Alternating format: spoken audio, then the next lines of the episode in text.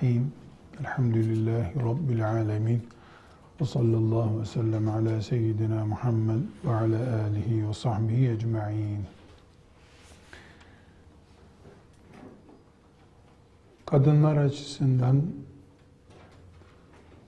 ele alınması gereken en önemli konulardan birisi de kadınların zinetleridir dedik. Zinetle de kastettiğimiz şeyin kadının saç bakımından beden bakımına, elbisesine kadar her şeyi zinet kavramı içerisine dahildir dedik. Ve bir önceki derste haram helallik konusunda, haramın helalin ne olduğu konusunda temel prensiplerimizi konuştuk.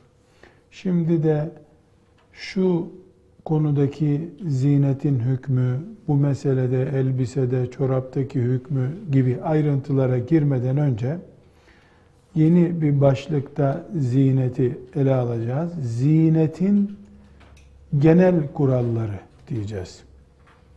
Elbisesinden tırnak kesmeye ve boyamaya vesaire yani kadın beden bakımı olarak eşine karşı gösteriş olarak ne yapıyorsa bunların ayrıntılarını da ele alacağız ama bir de genel olarak e, hüküm açısından nasıl haramlarda dedik ki 1, 2, 3, 4 şöyle ilke vardır dedik. Sonra şu haramdır derken o ilkelerden birine oturtmaya çalıştık onu.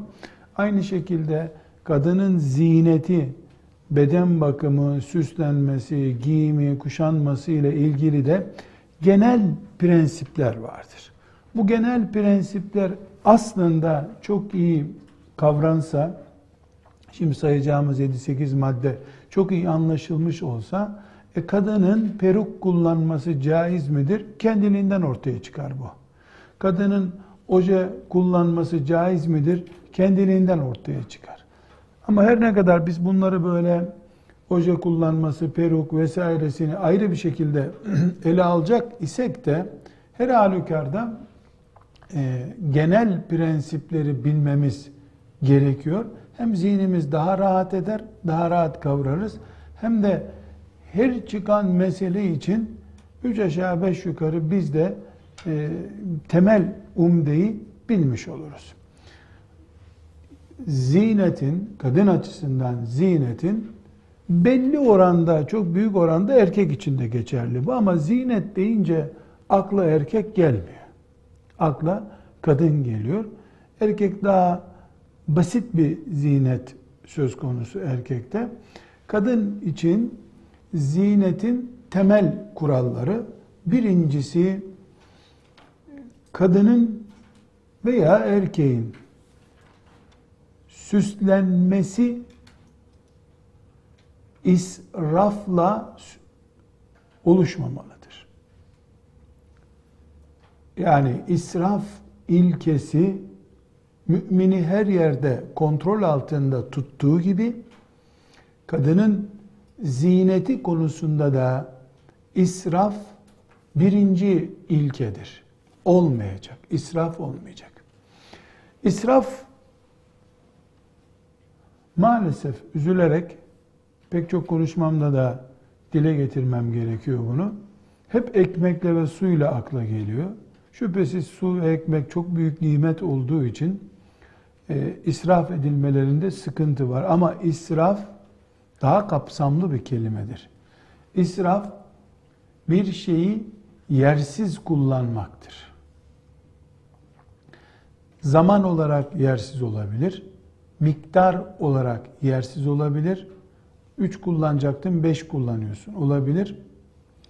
Bugün değil de yarın kullanman gerekiyordu. O açıdan zaman olarak olabilir. Bir de şahıs olarak da israf söz konusudur.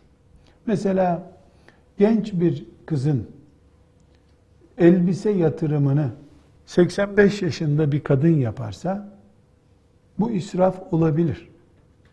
Yani nişan görüşmesi yapmak için bir kızın e, iyi bir elbise satın almasıyla e, hastaneden mezara, mezardan da cennete gitmesi, üç aşağı beş yukarı beklenen yaşlı başlı bir kadının aynı elbiseyi alıp giymesi göze göre de israftır, şeriata göre de israftır. Yani israf ekmeği fazla tüketmek, çöpe atmak olduğu gibi insan elinde nimet olarak bulunan herhangi bir şeyi yersiz, fazla ve gereksiz kullanmak da bir israf çeşididir ve bu israf haramdır. Kadının ziynetinde israf söz konusu mudur sorusuna müsaade edince cevap vermeyeyim. Yani kadınların zinet konusundaki israflarının hesabı zor şeyler bunlar. Ee, en bariz örnek olsun, en bariz örnek aylık geliri bir servet oranında olan bir zengin e, ailenin kızıyla asgari ücretle geçinmeye çalışan genç bir hanımefendinin ya öyle bir ailenin kızının ziyneti aynı ise bu toplumda e, israf budur işte. Bir insanın 100 bin lira geliri var. Onun zinet yatırımıyla 300 e, lira 500 lira geliri olan hatta büyük borçları olan bir aileye mensup birisinin zinet yatırımı aynı ise o zaman bu doğal olmayan bir yol, yöntemle zinet yatırımı yapılıyor demektir ki burada bir israf vardır. Mesela 5 bin liralık bir giyim kuşam e, aylık 100 bin lira geliri olan biri için, birisi için israf değildir. Ama asgari ücretle geçinen birisi için çok güzel bir israf örneğidir. Dolayısıyla israfı zamana göre, şahsa göre, yere göre değerlendirmemiz lazım. Elbette herkes kendi nefsine hak vermek için benimki hariç, benimki tam yerindedir. Ben israf etmiş olmam diye düşünür. Fakat bunu nasıl karar verecektir? İstişare ederek, örneklere bakarak, kalbiyle Allah'ın korkusunu birleştirerek karar verdiği zaman da bu israf değildir, tam yerindedir diyorsa sakınca yoktur.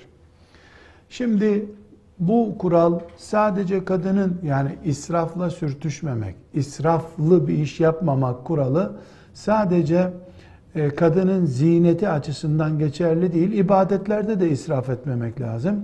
Ramazan iftarında da israf etmemek lazım. İsraf içki gibi, kumar gibi, zina gibi haramlardan bir haramdır. Kumarla, zina ile, içki ile israf farkının arasında israf arasındaki fark zinanın tarifi vardır. Şöylesi şöylesi haramdır. Kumarın tarifi vardır. Şöylesi şöyledir. İsraf ise şahısla Allah arasında kalmış bir ölçüdür. Dediğimiz gibi 5000 liralık bir kıyafet israf da olabilir, olmayabilir de. Adamına göre değişiyor. Zamanına göre değişiyor. İsraf haramlardan bir haramdır. Şu kadar ki esnek bir kavramdır israf. Şahsa göre, zamana göre, mekana göre değişebilir. Bu israfın ağır haramlardan bir haram olduğunu gösteren e, ayetlerden biri de e, İsra suresinin 27. ayetidir.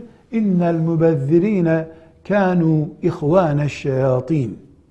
İnnel mubezzirine kanu ihvaneş şeyatin. Mübezzirin saçıp savuranlar demek. Saçıp savuranlar yani israf edenler.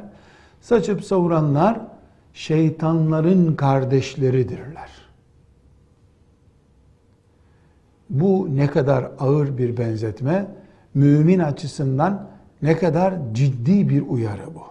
İsraf, şeytanlaşmanın yan kolu. Başka bir ayet Furkan suresinin 67. ayeti.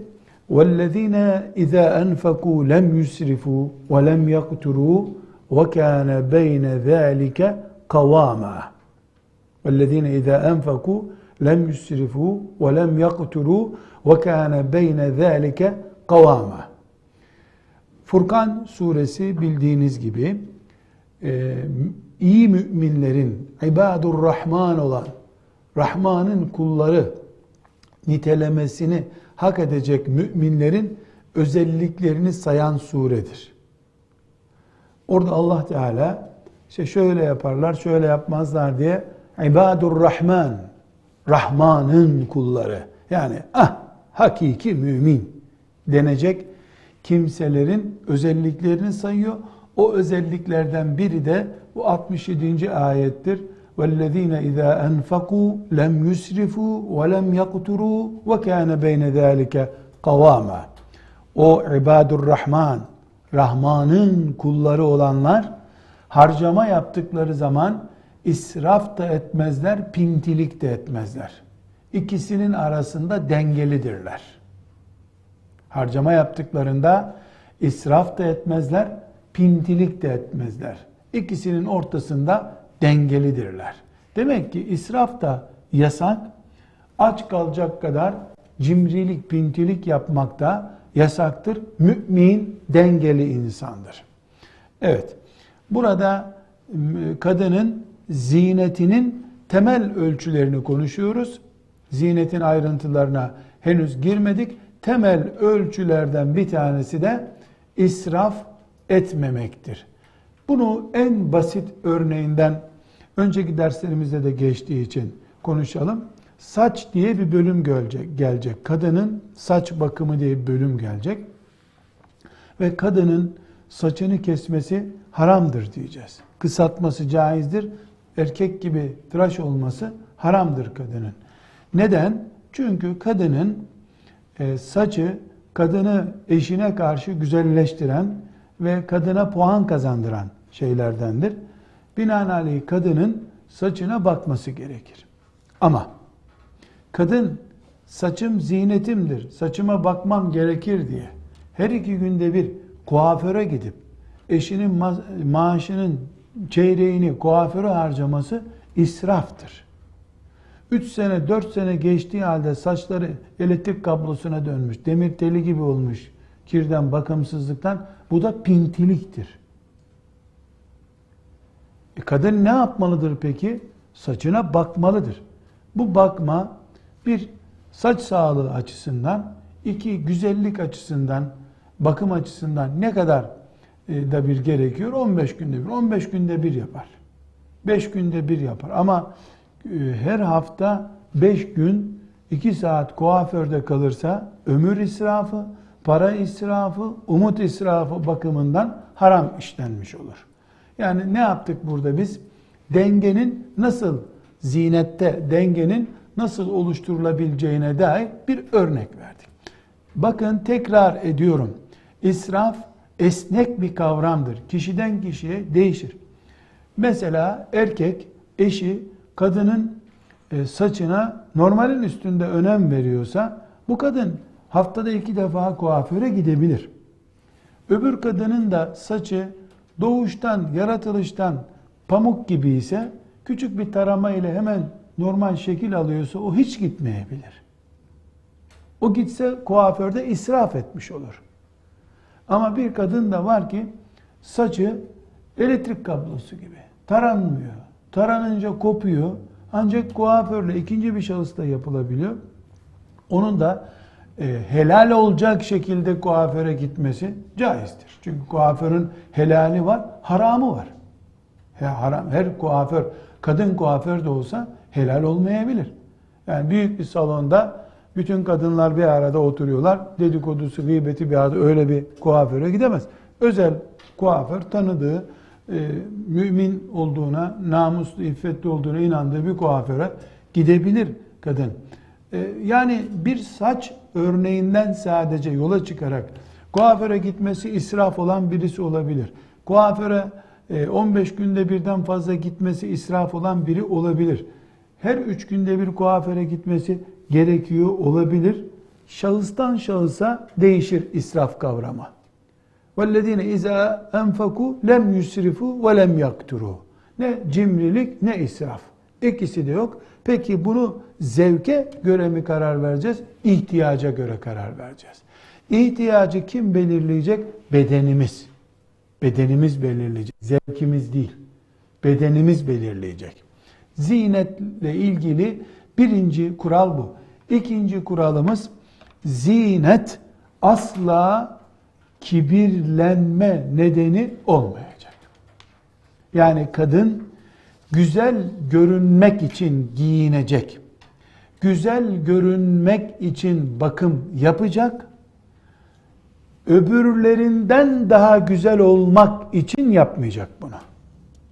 Yani ziynetimiz, kadının ziyneti kadınlar arası yarış için değil, kadını güzelleştirmek içindir.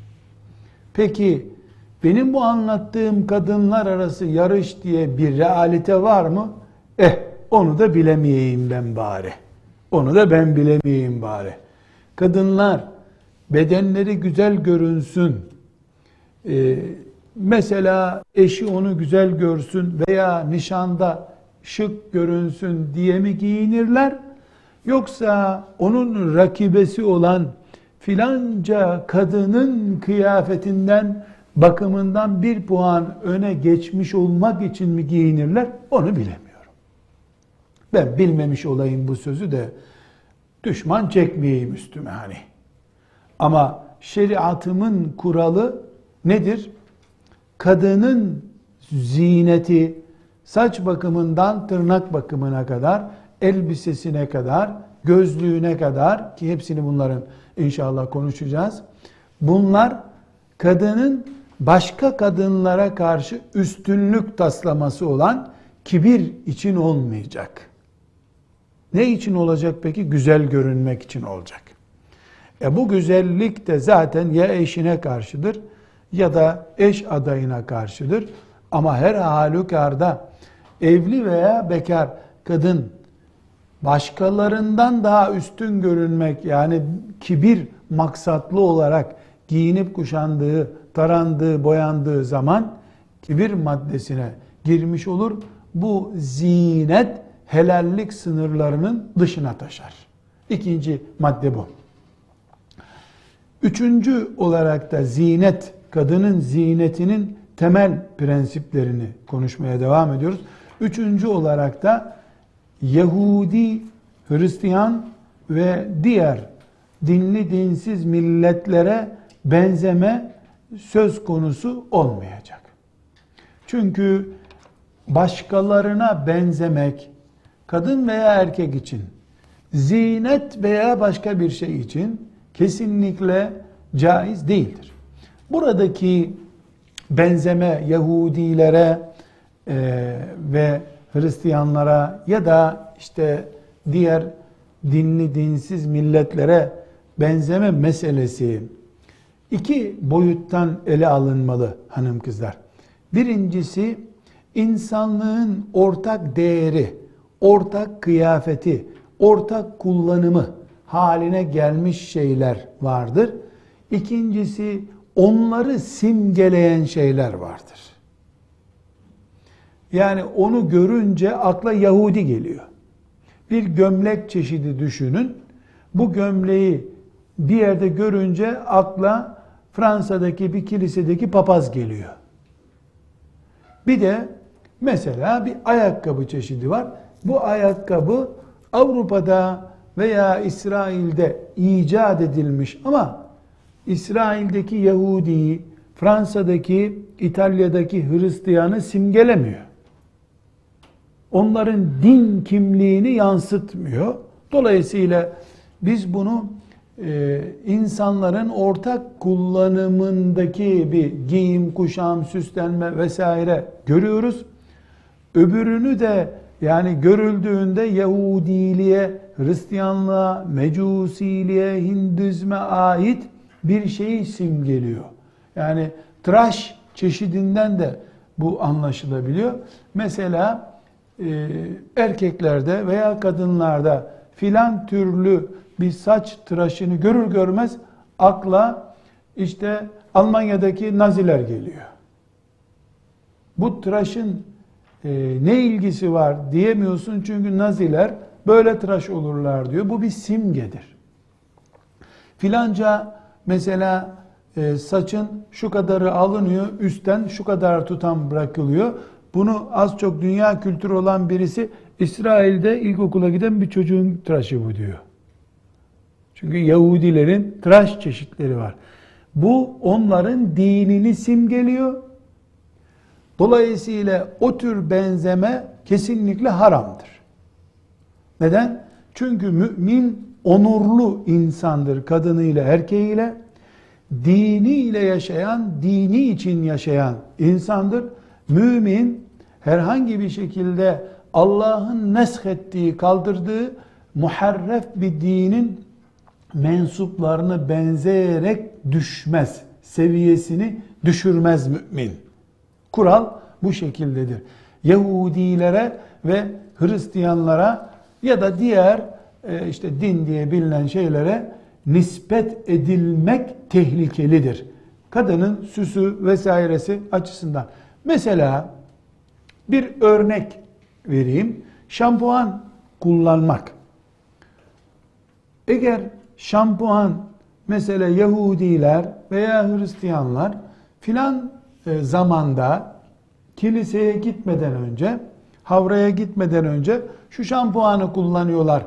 İşte havrada bu koku, naftalin kokusu daha iyi geliyor diye mesela. Bu otomatik olarak erkeğe de kadına da haramdır. Bitti. Peki şampuan kullanmak haram mı? Hayır. Şampuan kullanmak haram değil. İçinde domuz mamülü varsa ayrı bir konu tabi. O, o ayrı. iki necaset açısından ele alırız ayrı bir konu. Ama e, şampuan haram değil. Mesela örnek veriyorum naftalin kokulu bir şampuanı Yahudiler e, havraya giderken kullanıyorlarsa eğer otomatik bize haram olmuştur o. Biz onu kullanamayız daha. Ya ben onu camiye giderken kullanıyorum gibi bir gerekçeye de dayanamayız. Çünkü o Yahudinin gözünde diniyle ilgili bir şey. Onu taklit etmeye kalktığı zaman mümin din özentisidir bu. Müminin İslam'dan başka bir şeye özentisi olamaz. Bu konuda e, bir hadisi şerifi çokça duymuşsunuzdur. Teberruken tekrar etmekte fayda var. Bukhari'nin 7319. hadisi şerifi Ebu Hureyre radıyallahu anh'tan e, rivayet ediliyor. La tekumu saatu hatta te'huze ummeti bi ahdil kuruni qablaha şibran bi şibrin ve zira'an bi zira'in benim ümmetim yani Resulullah sallallahu aleyhi ve sellem benim ümmetim öncekilerin tuttuğu yolu karış karış zira zira tutmadıkça kıyamet kopmayacak. Ya benim ümmetimde adım adım bizim Türkçemizde ifade edelim adım adım eski milletlerin yaptığını yapmadıkça kıyamet kopmayacak. Oradaki sahabiler demişler ki ya Resulallah ke farisin ve rum ke faris ve rum yani e, Farisiler ve Rumlar mı bu bahsettiğin? Yani Doğu kültürü ve Batı kültürü diyelim şimdi biz. Yani Doğu kültürünü şu anda Hindistan temsil ediyor. Batı kültürünü de Avrupa temsil ediyor. Kefaris ve Rum yani Faris Doğu halkı ve Rum halkı mı yani Batılılar mı ya Resulallah? وَمَنِ النَّاسُ illa ulaike. Başka kim var ki insanlar arasında? Bu da gösteriyor ki bizim sorunumuz, bu hadis-i şerif bize ispat ediyor ki, kardeşler, kıyametten önce muhakkak ortaya çıkacak olan bu üzücü taklit hastalığı, sadece Avrupalıları taklit değil. Yani bizde şöyle bir kısır ya da yetersiz anlayış var. Yani kafire Yahudi'ye benzemek yasak. Paris'ten moda getirme sakın. Çin'den gelirse e Çin hadiste geçmiyor zannediyoruz. Efendimiz sallallahu aleyhi ve sellem ise çok açık bir şekilde doğu batı herkesi buna katıyor. Çünkü müminin onurunu zedeleyecek olduktan sonra mümini kendisinden olmayan milletleri taklide sevk edecek olduktan sonra Paris'ten gelmesiyle Pekin'den gelmesi arasında bir fark yok. Ama tekrar vurguluyorum. Burada yasak olan şey bir din simgesi olan şeydir. Pekin'den geliyor. Pekin'de Hristiyanlık, Yahudilik yok ama e, komünist kafayı, sosyalist kafayı simgeliyor. Bu o da benim için sakıncalı. Komünizmde bir din nihayet. Beşeri dinlerden bir dindir. Sosyalizm de bir dindir. O maza ba'del hakkı illa dalal. Allah'ın hak dininden sonra gerisi hep aynı. Bir hak var, bir de batıl var. Batılın adı Hristiyan olsa ne olur, Yahudi olsa ne olur, sosyalist olsa ne olur, e, faşizm olsa ne olur, ne olursa olsun e, derim ve başkalarını din olarak, kültür olarak, ahlak olarak simgeleyen şeylerden kadının zineti uzak duracak. Bu bir. Üçüncü maddemiz bu. Dördüncü maddemiz kadının bilhassa giyim kuşamı, tıraşı, saç bakım şekli erkeğe benzememeli. Erkeğinkinin de zaten kadına benzemesi yasak. Resulullah sallallahu aleyhi ve sellem Efendimizin lanet ettiği şeylerdendir bu. Kadınların erkeklere, erkeklerin de kadınlara benzemesine lanet etmiştir. Hanım kızlar, Peygamber aleyhisselam Efendimiz rahmeten lil alemin olduğu halde bir şeye lanet etmesinin ne kadar tehlikeli olduğunu anlamamız lazım. Yani mesela e, önceki derslerde gördük içkiye, faize lanet ediyor. Faiz gibi tehlikeli gördüğü için demek ki erkeğin kadın gibi, kadının da erkek gibi giyinip kuşanmasına lanet ediyor.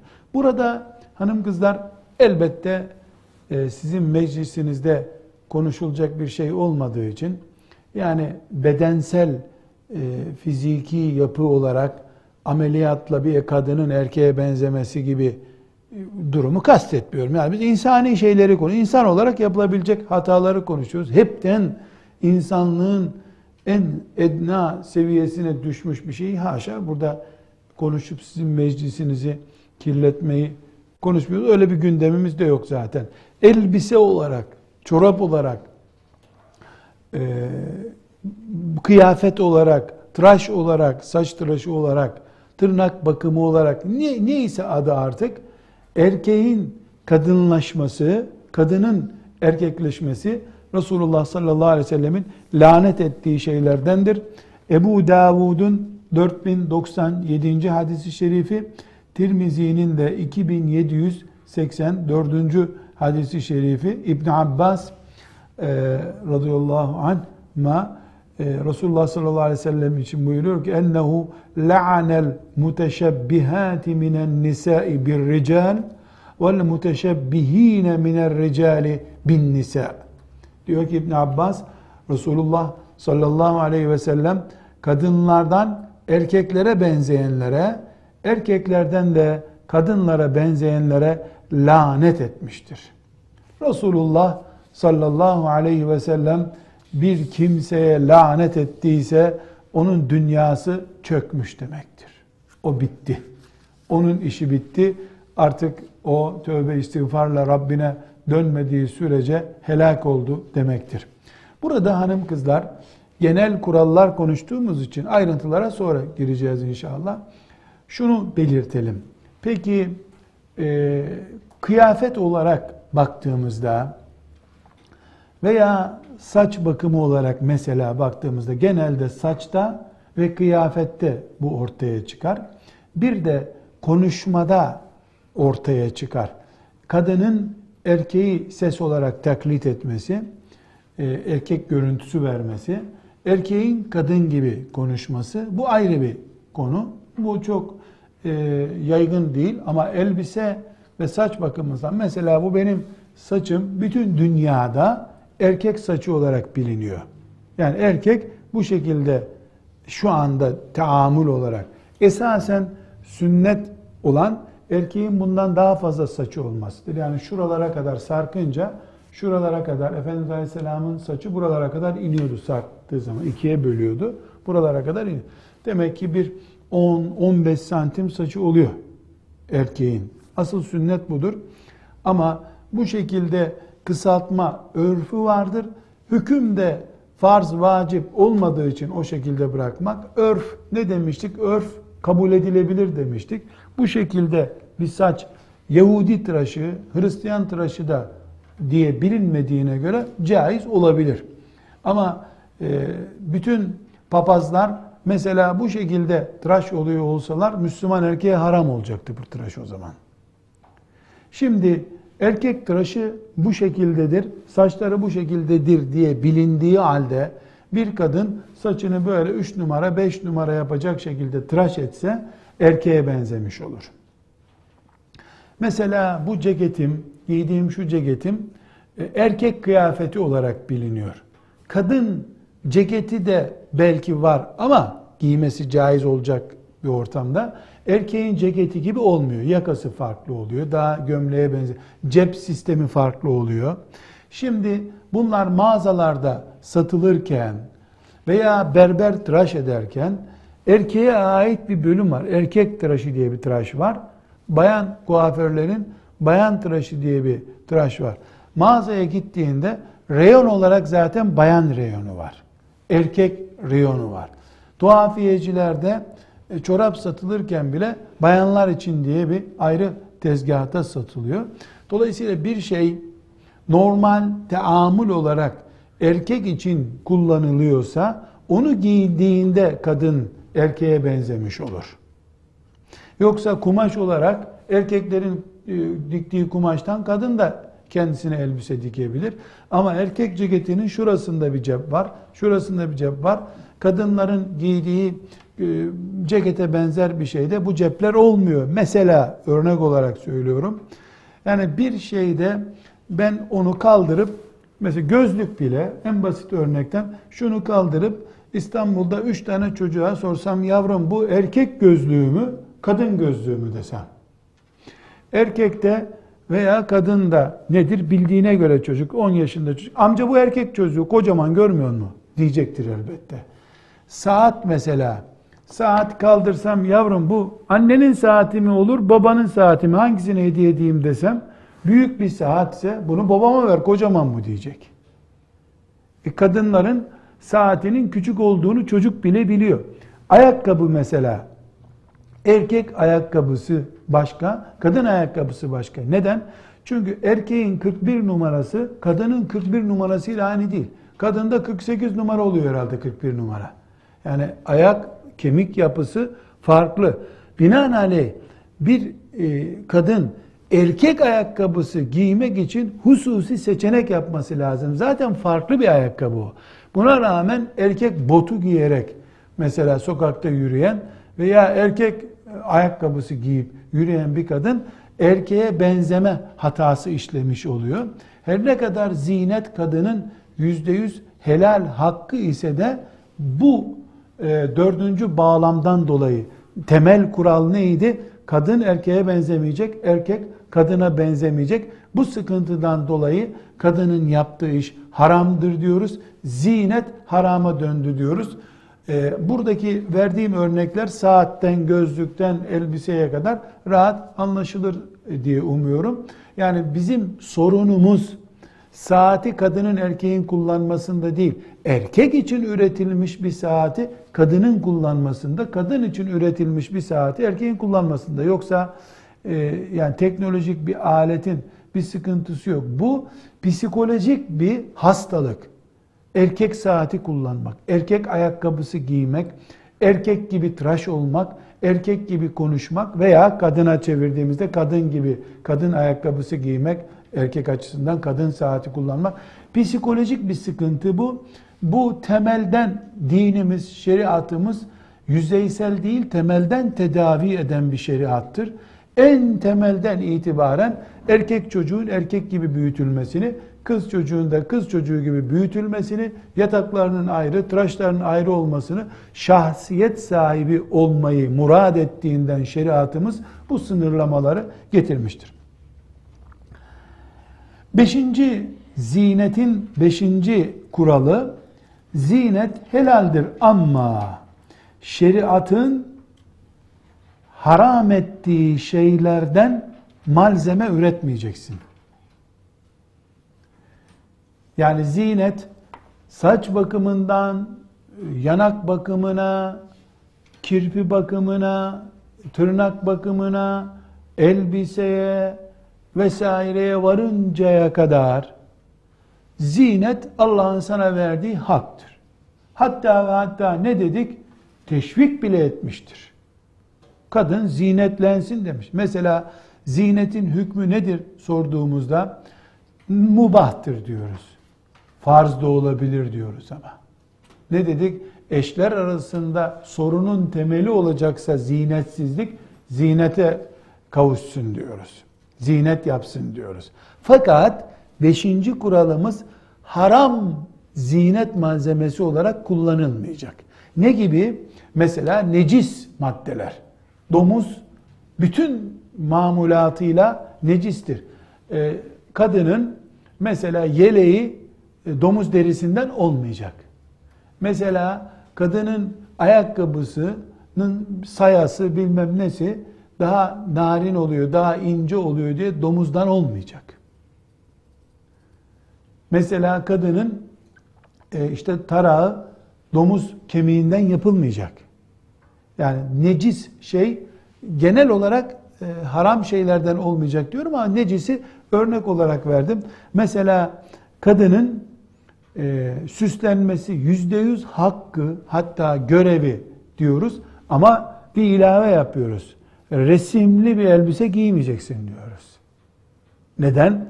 Çünkü resimli elbise resimden dolayı haram. Resim yasak. Mesela e, ölmüş, gebermiş bir hayvanı malzeme olarak kullanmayacaksın. Gebermiş bir hayvanın diyelim ki bir koç geberdi. Yani kesilmeden öldü. Onun tabaklandığı zaman derisi kullanılabilir. Bunun dışında yağı, eti, her şeyi haram. Hazır koyun bulduk. İşte o koyundan da yanak kremi yapıyorduk biz de alıp ondan krem yapıp kullansan haram olur. Yani zinet helal hatta görevin ama e, yasak. Aynı şekilde erkekler mesela onlar da belli bir miktar süslenmek hakları ama altın yüzük kullanamazlar. Altını süs eşyası olarak kullanamazlar. Aynı şekilde kadın bedeninde 3 kilo 4 kilo altın olsa haram mı? Değil israf değilse. Fakat e, eğer masasında, vitrininde, misafirinin göreceği yerde altın kap çanak bulunduruyorsa haram. Çünkü kadının bedeninde, kadının e, vücudunda altın helal, evde eşya olarak kullanması haram. Kadın ya zinet olarak ya da yatırım olarak altını kullanacak. Bu kuralımızın özeti nedir?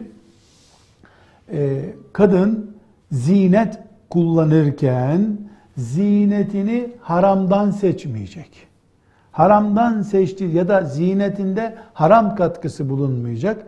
Bulunduğu zaman zinet kendiliğinden harama dönüşmüş olur. Burada hanım kızlar e, çok e, önemli olduğu için üç konuda özetleyelim bu haram malzeme kullanma yani zinetin beşinci kuralını üç maddede özetliyoruz. Birincisi e, kadının altın ve gümüşü herhangi bir şekilde kap, çanak, eşya olarak kullanması doğru değil. Ama üstünde, bedenin üstünde kolye, yüzük, zincir, küpe, toka, ee, ne istiyorsa kullan. Bedeninde kullanabilir. Evde kap, çanak, eşya olarak, vazo, mazo olarak e, kullanamaz. Tabak, kaşık, çatal, kürdan böyle şeyler yani evde kullanılacak malzeme olarak kullanılmaz. Kadın ve erkek herkes için geçerli bu kural. Erkek Müslümanlara da ipek haram. Kadına ipek haram değil. Bu ipek de yani böcekten yapılan, böceğin ürünü olan e, ipeği kastediyoruz. Fabrikalarda üretilen suni ipek ipek değildir. Bir kumaş çeşididir. Bir de e, hayvanların e, ölü etlerini özellikle e, zikrettik. Necaseti zikrettik. E, aynı şekilde resim benzeri şeyleri zikrettik. Yasak bunlardır.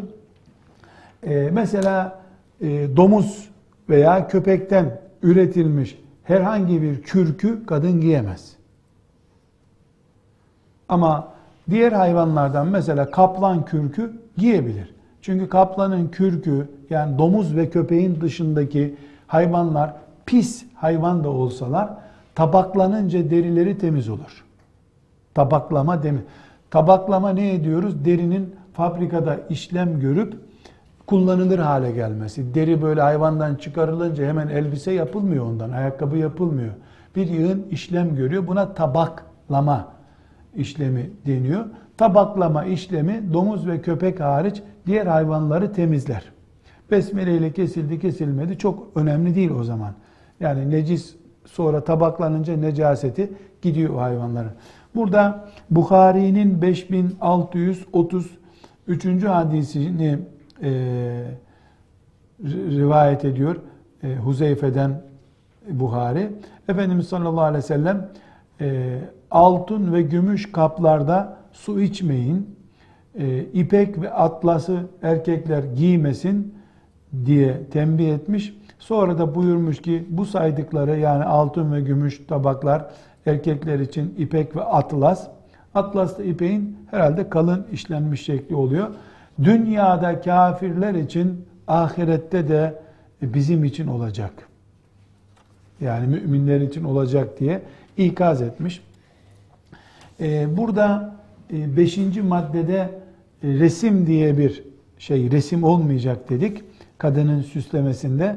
Yine Bukhari'de 2105. Müslim'de de 2107. hadis-i şerifte Ayşe annemiz e, bir olay anlatıyor. Bu hükümde bundan çıkıyor. Buyuruyor ki e, Resulullah sallallahu aleyhi ve sellem evde yokken küçük yastıklar aldım diyor. Herhalde kırlent mi deniyor böyle koltukların kenarına kolunu yaslamak için. Öyle küçük yastıklar aldım. Üzerinde resimler vardı diyor. Ee, Resulullah sallallahu aleyhi ve sellem kapıdan içeri girecekken birden girmedi. Yüzünün rengi değişti e, diyor Ayşe validemiz. Anladım ki hoşlanmadığı bir şey oldu. Dedim ki ya Resulallah bir günah işlediysem hemen söyle tövbe edeyim. Ne oldu ne yaptım dedi. Çünkü eve girecekken tepki gösterdi aleyhisselam Efendimiz. Efendimiz sallallahu aleyhi ve sellem de o resimleri, şeylerin ne olduğunu sordu. Ki hanım kızlarım o zaman nasıl resim yapmış? Yani kim bilir bir serçe resmi miydi? Nasıl bir şeydi işte? Bir kırlentin üstüne o zamanki imkanlarla nasıl yapmışlardır onu? Ya da kömürle mi böyle boyadılar, ne yaptılarsa. işte o zamankini düşünün. Bir de şimdi insan evlerdeki oyuncaklardaki, koltuklardaki resimleri acaba canlı mı diye tereddüt ediyor insan. Şimdiki halimize bakıyoruz da yani bu ısırır mı beni bu köpek diye korkası geliyor insanın. Sonra herhalde yastıktaki köpek değildir düşün. O kadar benzetilerek canlı, kabartmalı, üç boyutlu yapılıyor artık şimdi. Ayşe anamız kim bilir işte öyle serçeye benzer bir resim mi ayrıntısı yok e, vardı. Efendimiz sallallahu aleyhi ve sellem bunlar nedir, bunlar nedir diye buyurmuş. Sonra da buyurmuş ki Ayşe demiş, kıyamet günü bu resimleri yapanlar azap görecekler. Ve dirilt bakalım şu yaptığın resmi, canlı hale getir denecek ona. E, bu sebeple melekler resim ve köpek bulunan eve girmezler diye buyurmuş. Ayşe annemiz de resimleri imha ettim. Sonra Resulullah sallallahu aleyhi ve sellem evimize girdi diye haber veriyor. Bundan da anlaşılıyor ki kadının gerek bedeninde ve gerekse e, evindeki eşyasında canlı resmi olmamalı. Bu canlı resmiyle ilgili ayrıntıya girmemiz gerekiyor hanım kızlar. Şimdi zannediyorum içinizde e, çocuk büyüten hanımlar da var. Yani çocuklara neredeyse 10 yaşına kadar olan çocuklara göğsünde, sırtında, kollarında vahşi hayvan ve yamyam resmi bulunmayan kıyafet yok.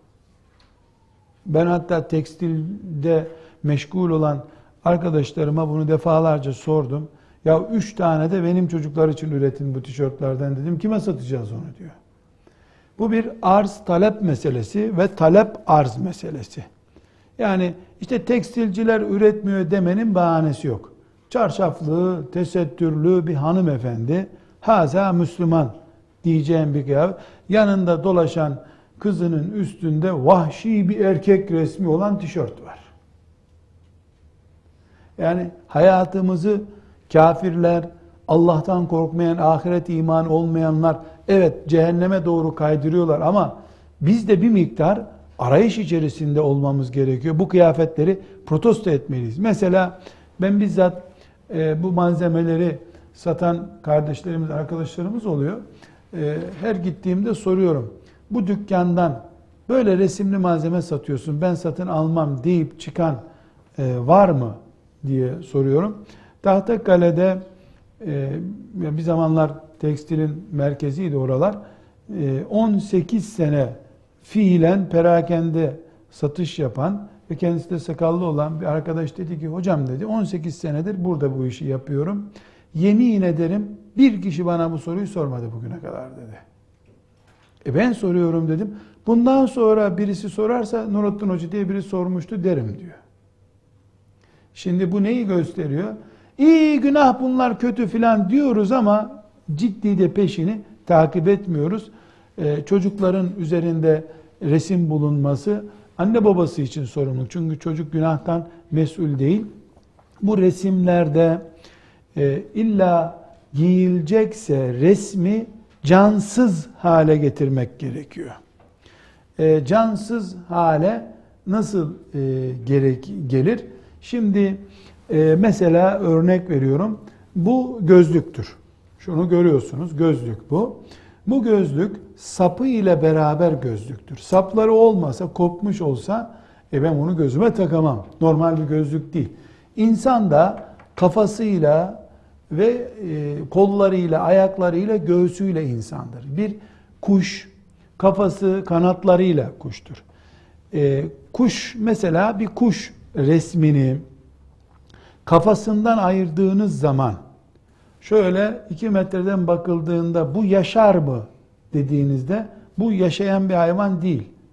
Kafası kopuk çünkü. O resim haram olmayabilir.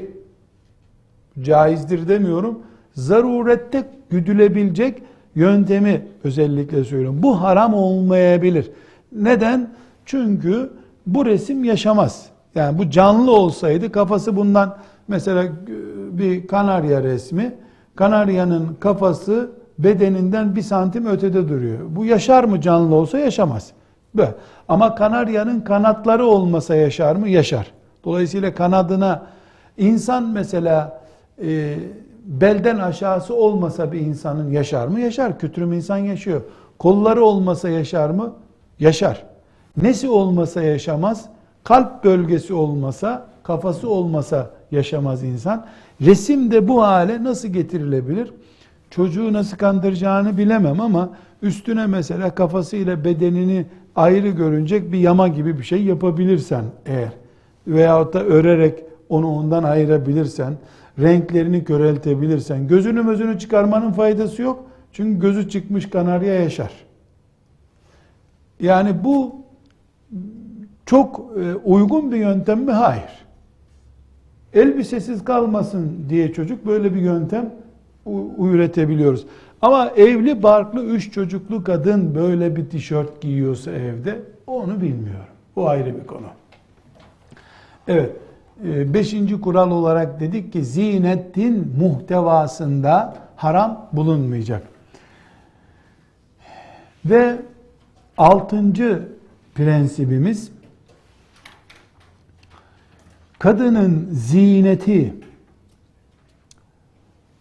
Ama zinetten ne kastediyoruz? Saç, tırnak, boya, elbise, ayakkabı, her şey. Kadının bedeninde duran her şey zinetidir. Kadının zineti teberruç olmayacak, setr olacak. Setr olacak, teberruc olmayacak. Sedr ve teberruc nedir? Setr örtmektir. Zinet örtecek. Teberruç nedir? Göstermektir. Zinet teberruç olduğu zaman yabancıya karşı bir haramlık ortaya çıkar. Eğer kadın dışarı çıkarken mesela çarşıya çıkması gerektiğinde zinet alıyorsa üstüne bu haramdır. Üstüne tesettür almalıdır. Tesettür ne demek? Kaliteli olması hariç bakıldığında cazip olmayan şey demektir. Sizin mesela üzerinizdeki kıyafetiniz üzerinizden alındığında askıya asıldığında bir erkeğin bu şekilde durup bu ne güzel bir şey diye bakmasını gerektirmiyorsa o tesettür malzemesidir. Bayanın sokakta giydiği şeyi kastediyorum. Kocasına karşı sınır yok. Evde anne babasına karşı zaten sınır yok büyük oranda. Ee, dışarıda giydiği kıyafeti mağazanın vitrinine bir iskelete koyduğun zaman gözler onu kaç para eder bu diye incelettiriyorsa üstündeki dekoru, kelebek kıyafetleri bilmem ne açısından bunun adı helal zinet değildir. Dış kıyafetin ölçülerini konuşuyoruz ama. Evde eşine karşı kıyafetini konuşmuyoruz. Çünkü Kur'an-ı Kerim ve la yubdine zinetehunne ve la yubdine zinetehunne buyuruyor Allah Teala Nur suresinin 31. ayetinde. La yubdine zinetehunne zinetlerini göstermesinler. Zineti göstermesinler ve la yubdine zinetehunne Allah'ın emridir. Zinet bilezikse bilezik, küpe ise küpe, gözlükse gözlük. Gözlük diye bir madde kullanacağız bir dahaki dersimizde. Gözlük de yüz güzelliğini bölmek için kullanılır. Sünnet müstehap mendup olur o zaman dekor katmak için kullanılır, haram olur. Çünkü gözlük var, gözlük var. Gözlük de var. Çünkü bir gözlük var, gözleri can alıcı güzellikte bir genç kadın, sokağa çıktığında tesettürü gözünü kapatmasını gerektirmiyor, gözlerinin açılması caiz. Ama erkeklerin onun gözünü görmesi, fitneye düşmesi için yeterli. Siyah güneş gözlüğü kullanır. Bu Allah'ın razı olacağı bir işi yapmış olur. Ama yaz günü dekor olarak şöyle güzel bir gözlük kullanayım dediği zaman zinetini izhar etmiş olur. Halbuki Kur'an'ın e, Nur suresinin 31. ayeti وَلَا يُبْد۪ينَ زِينَتَهُنَّ Zinetlerini göstermesinler. İlla ma zahara minha mecburen çıkanlar hariç. Mecburen çıkan hangisidir? Kadının bedeninde zorunlu olarak yüz, el ve e, ayakkabı giyilecek kadar ayaklar. Bu üç yer kadının göstermesi halinde özellikle teşhir değil tabi. Kapatamayacağı için göstermesi halinde mahsur bulunmayacak olan üç parçadır. Bunun dışındaki şeyler وَلَا يُبْد۪ينَ zinetehunne emrine dahildir. Zinetlerini göstermesinler. E, Ahzab suresinin e, 33. E, ayetinde وَقَرْنَ ف۪ي بُيُوتِكُنَّ Evinizde oturun. وَلَا تَبَرَّجْنَ teberrucel cahiliyetil ula. O eski cahiliye zamanında olduğu gibi açılıp saçılmayın. Çıkmayın dışarılara diyor ayet. Bunlardan anlaşılıyor ki kadının zineti setretecek yani örtecek. Teberruç olan, teşhir anlamına gelen zinet evinin dışında haramdır. Evinde kocasına karşı yüzde yüz hürdür kadın. Çok net anlaşılsın diye söylüyorum. Hiçbir şekilde böyle vaki olacak bir şey değil. Sadece ne kadar kocasına karşı hür kadın zinette onu anlatıyorum. Bir kadın başka bir kimse yoksa, perdeleri de kapalıysa 24 saat evinde çırılçıplak bulunmasında kocasının yanında hiçbir sakınca yok. Altından yelek yaptırıp giymesinde de bir sakınca yok. Zinette kocasına karşı serbest. Kocası dışında mahremi olanlara belli sınırlar var. Nedir bu mahremi olanlar? Bir insanın, kadının mahremi kim? Mahremi evlenmesi asla mümkün olmayana mahrem denir. Babayla bir kadın asla evlenemez. Kardeşiyle asla evlenemez. Dayısıyla evlenemez. Amcasıyla evlenemez. Kayınpederiyle evlenemez. Oğluyla evlenemez. Yeğenleriyle evlenemez. Bunlar kadının mahremidir. Bunların dışındakiler na mahrem diyoruz. Gayrel mahrem demek. Mahrem değil, yani ona haram değil evlenmesi demek. Bekar olsa evlenebilirdi onunla. Kadın mahremlerinin yanında e, dışarıda sokakta durduğu gibi durması gerekmez. Nasıl gerekir? E, göbeğiyle diz kapağını yüzde yüz koruma altına alır. Buralar açısından zinet olmaz. Çok genç yeğenleri filan böyle tehlike söz konusuysa onlara karşı yabancı gibi muamele eder. Bunun dışında baba, dayı, amca, e, kayınpeder gibilerin yanında kadının omuzunun çıplak olmasında, çocuğunu göğsünü çıkarıp çocuğunu emzirmesinde, bunların yanında haramlık açısından sıkıntı yoktur. Ama edep başka bir şey tabi. Edep, edebe canlar kurban. Edep başka bir şey. Haramlık açısından sıkıntı yoktur. Burada e, kadının özellikle mahrem ve namahrem ayrımı yapması gerekiyor dedik. E, mahrem dediğimiz baba, kardeş, dayı, amca ama eşinin kardeşi ve abisi hariç. Onlar mahrem değil. Onlar mahrem değildir. Bu saydığımız birinci derecedeki mahremlere kadın yüzünü gösterebilir, e, dizden aşağı bacaklarını özellikle gösterir demek değil. Yani abdest alırken görse zararı yok. Haram değil demektir bu. Göğsünü görebilir, e, pazularını görebilir. Yani görse haram değil. Bütün bunlar tabi şehvet garantisi varsa karşı tarafta. Yani çocuğun gözleri radar gibi genç teyzesini izliyorsa ortada tehlike var.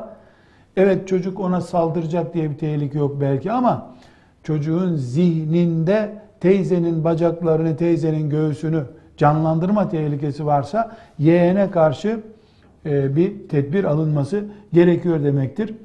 Bunlara karşı, bu akrabaya karşı temel avret, galiz avret dediğimiz, ağır avret dediğimiz göbekle diz kapağı arasıdır. Darlık, şeffaflık ve açılma açısından mahrem, namahrem herkese haramdır. Kocası hariç. Kocasında sınır yok. Bunun dışındaki yerleri kadın için mesela bileziklerini yeğenleri görebilir. Abdest için kollarını, hamur için kollarını sıvadığında görmesinde bir sakınca yok. Ya da işte dayısının yanında e, bebeğini emzirse kadın bir sakıncası yok. Saç açık, başı açık dolaşmasında babasının, dayısının yanında, amcasının yanında bir sakınca yok. Ama 70 yaşında amcanın yanında kadın hangi edeple durur? O ayrı bir konu. Edep başka bir şey. Edep başka bir şey.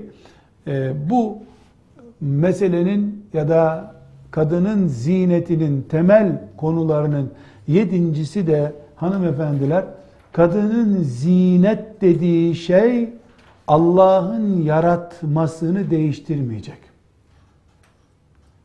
Allah'ın yarattığı tarz değiştirildi mi büyük bir haram devreye girer. Burada Nisa suresinin 119. ayetinde yok 118. ayetinde وَلَآمُرَنَّهُمْ فَلَيُغَيِّرُنَّ خَلْقَ اللّٰهِ ayeti. وَلَآمُرَنَّهُمْ Şeytan cennetten kovulacağını anlayınca aklınca diyelim bizim ifadelerimizle intikam almaya kalktı. Ben de senin kullarını şöyle şöyle edeceğim, şöyle edeceğim dedi. Oradaki dediklerinden biri de وَلَآمُرَنَّهُمْ onları teşvik edeceğim, kışkırtacağım. Fele yugayyirunne halkallah. Allah'ın yarattığı tarzı bozduracağım onlara. Bu anlaşılıyor ki göğsünü silikonla değiştiren kadınlar Allah'ın yarattığı göğüs tarzını değiştiriyorlar.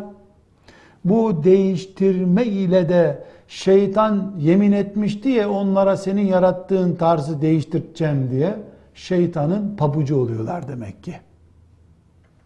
Kökten kaşlarını kaldıran kadın bunu yapmış oluyor.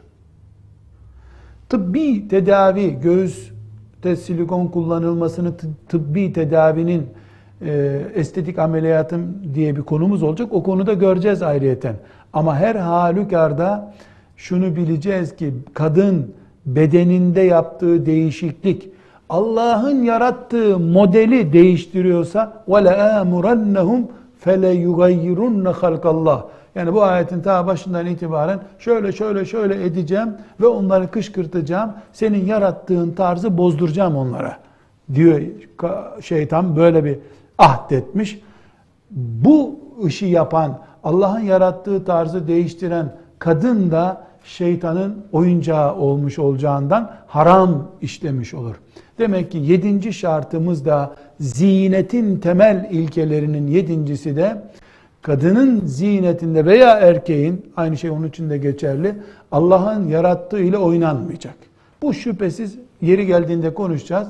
Kadının altıncı parmağı var. Altıncı parmağı ameliyatla aldırmasından konuşmuyoruz biz. Estetik ameliyat 65 yaşındaki kadının estetik ameliyat yapıp güzel görüneceğim diye 45 yaşına düşmesini konuşuyoruz burada. Evet. Estetik ameliyat vesaire hangisi ise temel olarak e, kadının zinetinin e, döndüğü yedi kural etrafında döndüğü yedi kuralı konuşmuş olduk. Velhamdülillahi Rabbil Alemin.